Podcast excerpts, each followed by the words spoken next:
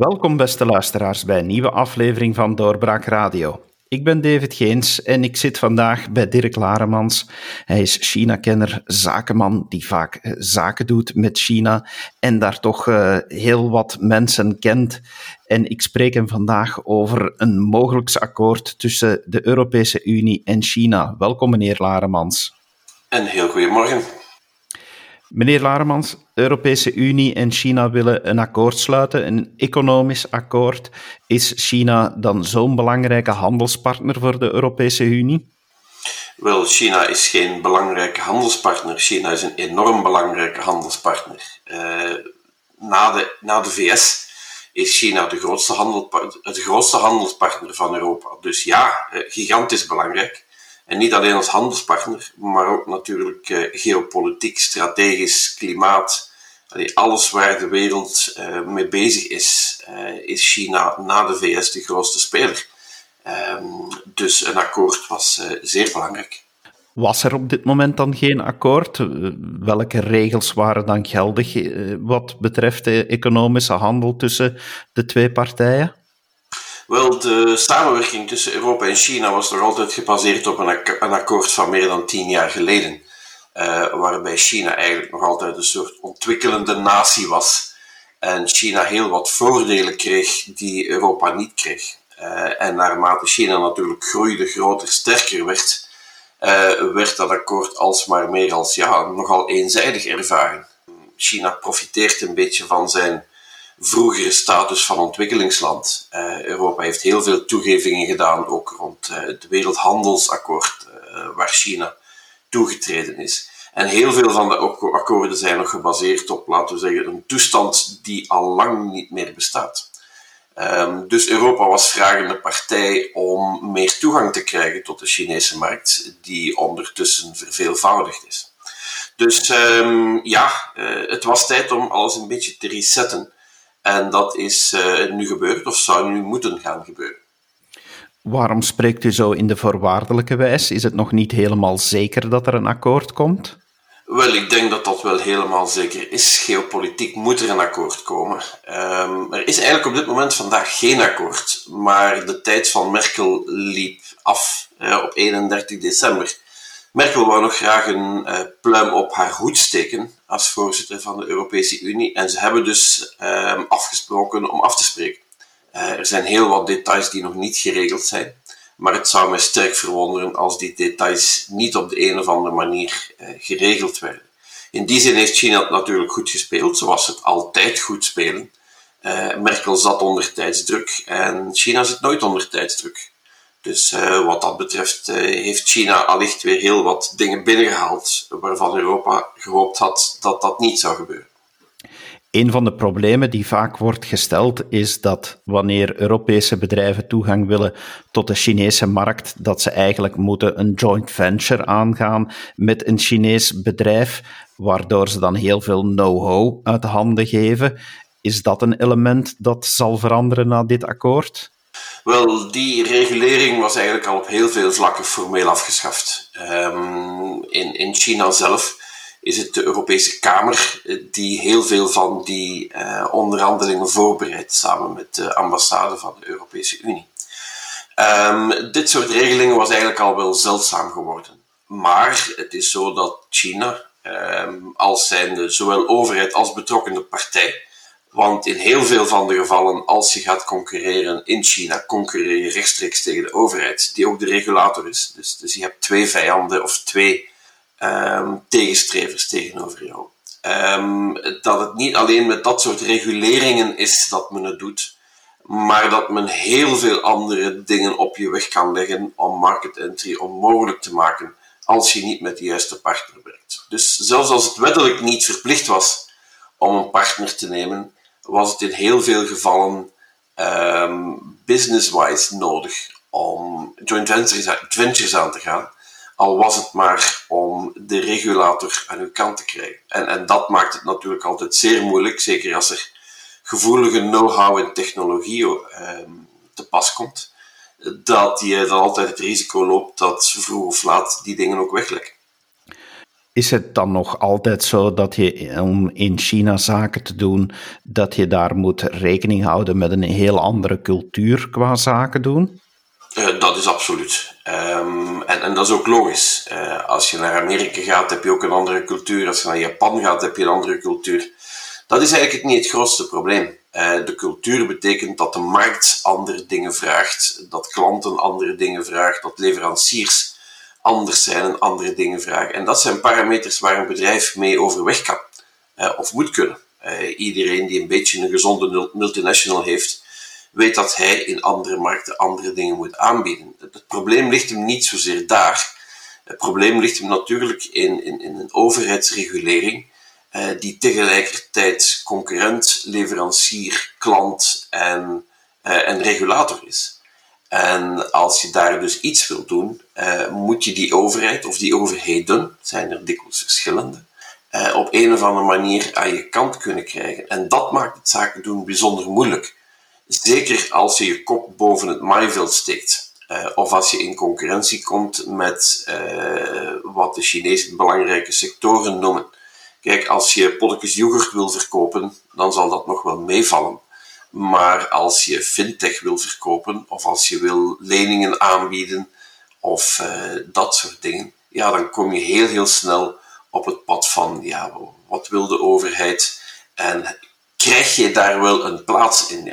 Het gaat niet over een plaats veroveren, het gaat over een plaats krijgen. Welke ruimte geeft men jou om jouw ding te doen? Uh, en dat is waar dit akkoord over gaat. Dat die ruimte in heel veel sectoren, op heel veel plaatsen, uh, zeer beperkt was. Zullen de Chinezen zich dan wel houden aan dit akkoord? Want er zijn toch ook mensen die zich daar vragen bij stellen en zeggen dat uh, China wel makkelijk zo'n akkoord sluit, maar daarom het nog niet makkelijk zal respecteren en de regels nog eens durft aanpassen wanneer het dan goed uitkomt? Wel, ook dat is een typische Chinese trek natuurlijk. Um, dat de regels flexibel zijn en moeten geïnterpreteerd worden naarmate de situatie verandert. Um, dat is ook een typische manier van, doen. Als je in een zwakke positie bent, dan volg je de regels, want de consequenties zijn zeer negatief. Als je in een sterke positie bent, ja, dan kunnen de regels wel al eens verschoven, uh, verbogen, uh, en anders geïnterpreteerd worden. Uh, China speelt het zo handig dat men nooit zeer vlak af um, regels zal schenden, maar probeert altijd aan de randvoorwaarden iets te doen en komt dikwijls op met nieuwe dingen. Ja, je mag dit wel, maar dit is nog niet in orde. Of uh, ja, maar dit moet nog um, gereguleerd worden, of dit is nog niet oké. Dus het is, eh, het is relatief makkelijk voor een Chinese overheid om, om die regels te omzeilen. Uh, en dikwijls nieuwe dingen uit te vinden waarom iets niet kan of nog niet kan, of men nog maar eens een jaartje geduld moet hebben, um, of dat er bepaalde dingen nog niet in orde zijn, enzovoort, enzovoort. Um, en dat betekent dat men dus eigenlijk binnen zo'n akkoord toch heel veel ruimte heeft om, als het hen niet zint, van het ook niet uit te voeren. Ik lees dat wat cijfers betreft, dat de verhouding is dat Europa 200 miljard uitvoert naar China, maar dat omgekeerd China 300 miljard eh, naar Europa eh, uitvoert. Dus dat, eh, dat toont een beetje toch wel de verhouding aan tussen de twee. En dat komt natuurlijk doordat China concurrentievoorwaarden altijd anders interpreteert zou dit akkoord daar wijziging kunnen in aanbrengen dat, dat China meer de Europese concurrentievoorwaarden gaat volgen? Wel, dat is de grote hoop van Europa natuurlijk. Als uh, de regels wat uh, minder strikt toegepast worden, dat die scheve verhouding wat rechtgezet wordt. En, en ik denk dat dat ook gaat gebeuren. Al is het maar in het geopolitieke spel tussen Amerika, uh, China en Europa waar Amerika nu toch heel hard op de rem gaat staan uh, en, en, China's ontwikkeling um, in de verkeerde zin uh, wil aanpakken, um, zal China graag vrienden willen worden met Europa, uh, al was het maar om Europa en Amerika een beetje uit elkaar te drijven. Dus ik vermoed dat die verhouding gaat verbeteren, dat dit akkoord daar mee gaat spelen en dat wie braaf is krijgt lekkers, wie stout is de roe ehm, dat Europa inderdaad die scheve verhouding in de komende jaren zachtjes aan zal zien, zal zien verbeteren. Je hebt natuurlijk ook het feit dat Chinese producenten, ik denk dan bijvoorbeeld aan een Huawei, eh, toch eh, vrij recent de toegang tot de Europese markt werden ontzegd. Is dat een beetje de druk geweest om China toegeeflijker te maken in dit akkoord, om dan toch alleszins tot een akkoord te komen, zodat zij op hun beurt ook weer toegang krijgen tot de Europese markten die hen een beetje ontzegd was? Uh, dat denk ik niet. Uh, het hele verhaal rond Huawei is natuurlijk niet in Europa ontstaan. Het is in Amerika ontstaan. Uh, Amerika uh, zocht manieren om de Chinese plitwals tegen te houden. En heeft dus, wat men in zo'n geval altijd doet, een aantal symbooldossiers gekozen. Waarin men zegt tot hier en niet verder. wat Europa doet met Huawei is eigenlijk gewoon een uitvloeisel daarvan. En, en is een gevolg van Amerikaanse macht. Eh, als de Amerikanen zeggen: kijk, jullie krijgen niet meer dit of jullie krijgen niet meer dat, of we willen niet meer met die of die bedrijven werken als zij met Huawei werken, dan volgt Europa voeten. Dus, dus wat dat betreft is, is Europa geen trekker, maar een volger van de Amerikaanse leiding. Um, als het dan als leuke consequentie heeft dat China uh, ook graag bereid is van de, spelregels uh, aan te passen, dan is dat mooi meegenomen. Maar het kan zeker niet gedacht worden, dit was een politieke truc van Europa om China eh, tot toegeeflijkheid te dwingen. Daar denk ik dat, um, dat je toch een stap te ver gaat. Er zijn er die kritiek leveren op dit akkoord, omdat het zou gesloten worden uh, in een sfeer dat er te weinig druk gezet is vanuit Europa op China om bijvoorbeeld arbeidsvoorwaarden te verbeteren of andere uh, mistoestanden naar Europese normen in China te verbeteren. Denkt u dat dat mogelijk was geweest, dat China zou opengestaan hebben voor een akkoord uh, met voorwaarden dat ze ook hun politiek moesten aanpakken, zoals bijvoorbeeld naar de, ik zeg maar wat, de Oeigoeren in China? Uh, absoluut niet. Um, China is wat, betreft, wat dat betreft uh, allergisch en, en, meer dan allergisch voor uh, Europeanen of andere mensen die hen vertellen hoe zij dingen moeten doen en, en, en, dingen niet moeten doen. Um, dus wat dat betreft denk ik dat er geen schijn van kans is dat Europa meer dan wat symbolische toegevingen zou krijgen. als Europa de illusie heeft dat zij met dit soort toestanden Ehm, dat ze daar een gewicht kunnen in hebben in het China van vandaag, dan denk ik dat heel veel mensen toch compleet illusionair zijn in, in, in, welke economische macht wij dan zouden hebben om China uh, in een binnenlandse politieke zaak, wat China toch als een eigen ding beschouwt, uh, uh, iets te doen veranderen. Eh, als Europa dat wil, dan moet het heel simpel zijn. Alle dingen die geproduceerd worden uh, zonder dat er controle is waar en hoe, gewoon carrément de deur wijzen. Dat is een van de pistes die in Amerika geldt. Als niet kan bewezen worden dat het niet in strafkampen gemaakt wordt, dan komt het niet binnen. Um, maar dat is natuurlijk een stap die, uh, die veel te ver zou gaan. Um, en die de Europeanen, nog de Amerikanen trouwens, uh, zouden kunnen afdwingen. Dus nee, uh, ik geloof niet dat Europa meer dan symbolische toegevingen zou gekregen hebben voor welk akkoord dan ook.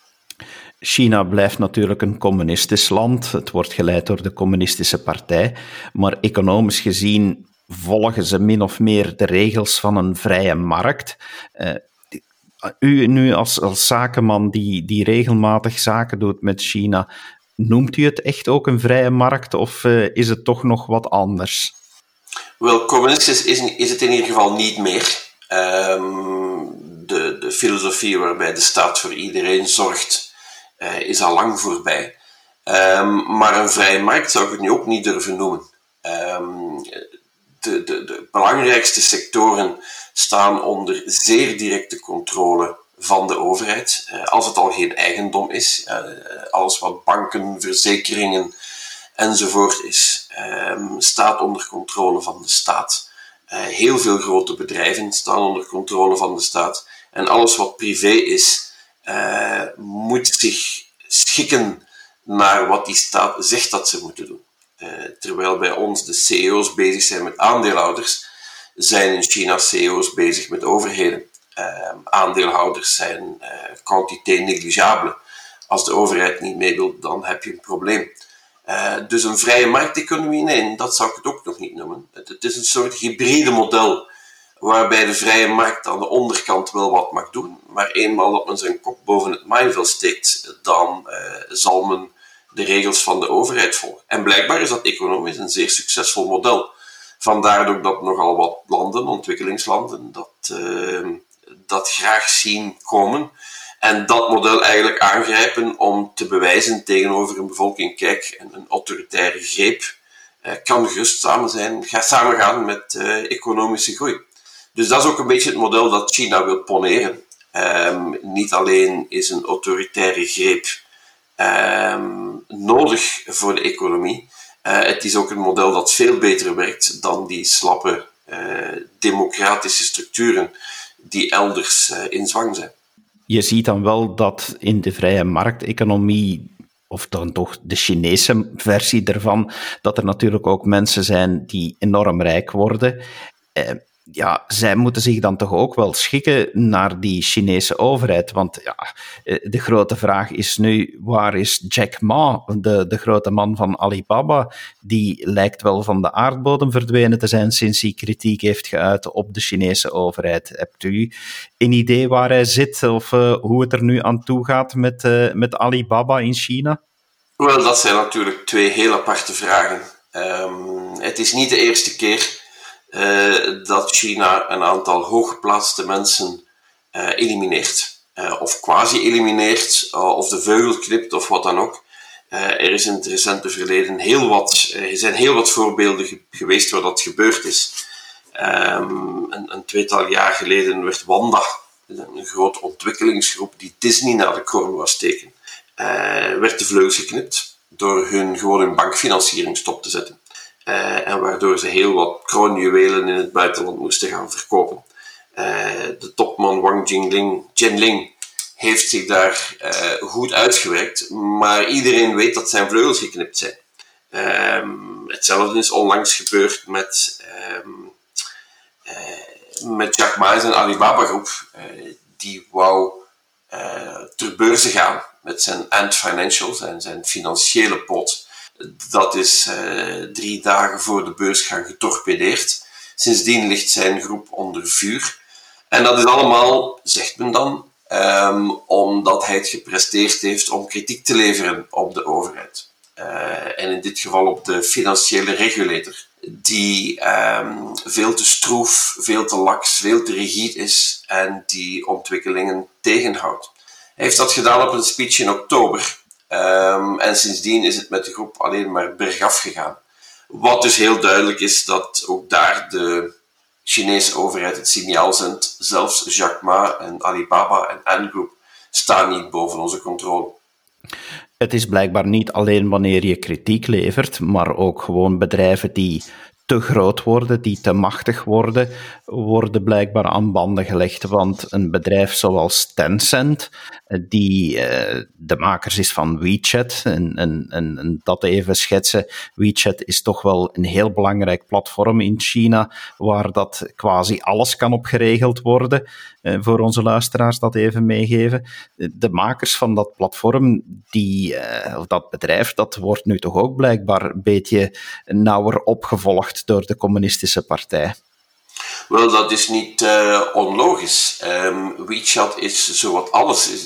Je, je, kan zeggen, WeChat is het besturingsplatform van de gsm in China. Uh, het is een combinatie van Facebook, uh, het is een bank, het zijn spelletjes, het vervangt browsers in vele gevallen. Um, met andere woorden, WeChat is, is, is de toegangspoort tot de Chinese consument. Uh, en het is logisch dat de, de overheid daar uiteraard uh, een vinger in de pap wil hebben. Niet alleen een vinger in de pap, uh, de overheid wil dat compleet controleren. stel je voor dat via jou, jouw app de overheid precies weet wie je bent, waar je bent, waar je geweest bent, met wie je in contact geweest bent, wat je gekocht hebt, wat je gevierd hebt. Ehm, waar je gaan eten bent, enzovoort, enzovoort. dat staat allemaal op de servers van, van Tencent. En die servers hebben naar alle waarschijnlijkheid een open lijn met de Chinese overheid. Dus het, is een ideaal instrument om, je bevolking ehm, te kunnen controleren. En de Chinezen zijn vooral niet te goed om dat te gebruiken. Dus logisch dat zij dat controleren. Naast de media, die zij volledig controleren, controleren zij nu ook de sociale media um, van al hun inwoners.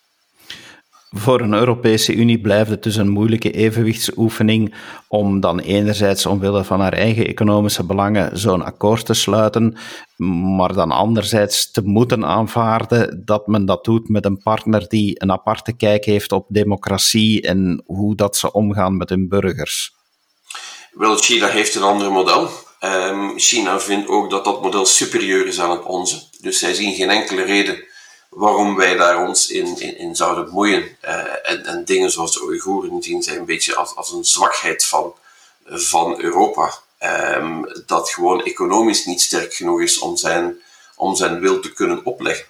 Um, China speelt wat dat betreft een, een, heel logisch uh, internationaal economisch machtsspelletje. En ik denk wat Europa hier bereikt heeft, min of meer het maximaal, is wat Europa op dit moment zou kunnen uh, bereiken. Ook omdat ja, vele Europese landen profiteren natuurlijk van Chinese uh, investeringen en willen die vooral niet wegjagen. Dus, dus er is een economische macht en, en, die wordt heel duidelijk gestuurd door de Chinese overheid. Als de Chinese overheid morgen zegt investeren in België, dat is een goed idee, ja, dan staan ze hier aan te schuiven. Als de Chinese overheid zegt België blijft beter weg, dan uh, is er geen kip meer te zien. Ook al zijn dat allemaal privébedrijven, zij volgen allemaal die, uh, die overheidsregels. Dus de overheid heeft een, veel sterkere grip op het hele bedrijfsleven en kan daardoor uh, eigenlijk economische macht veel beter vertalen in politieke macht. Dat is trouwens nog een reden waarom de Chinezen denken dat hun systeem uh, op alle vlakken superieur is aan het onze. Meneer Raarmans, dank u wel dat u dit hebt willen toelichten in onze podcast. Eh, we zijn er veel wijzer door geworden. Dank u wel daarvoor. Graag gedaan. Misschien hopelijk dus tot in China. Wie weet uh, kunnen we ooit eens een bedrijfsbezoek brengen aan China en kunnen we een reeks Chinese podcasts uh, uitbrengen voor doorbraak, dan rekenen we zeker op uw medewerking. Beste luisteraar, dank u wel dat u hebt geluisterd naar onze podcast. Luister zeker ook uh, even naar andere interessante afleveringen die u al kan vinden in ons archief. Uh, snuister ook even naar de mogelijkheden die u hebt om ons te steunen op doorbraak.be steun, zodat we kunnen aan de slag gaan en blijven met deze podcasts. Uw opmerkingen zijn ook altijd welkom op podcast.doorbraak.be. Graag tot een volgende keer. Dag. Dit was een episode van Doorbraak Radio, de podcast van doorbraak.be. Volg onze podcast op doorbraak.be/slash radio of via Apple Podcasts, Overcast of Spotify. Bezoek ook onze website op doorbraak.be en steun ons door een vriend te worden van Doorbraak.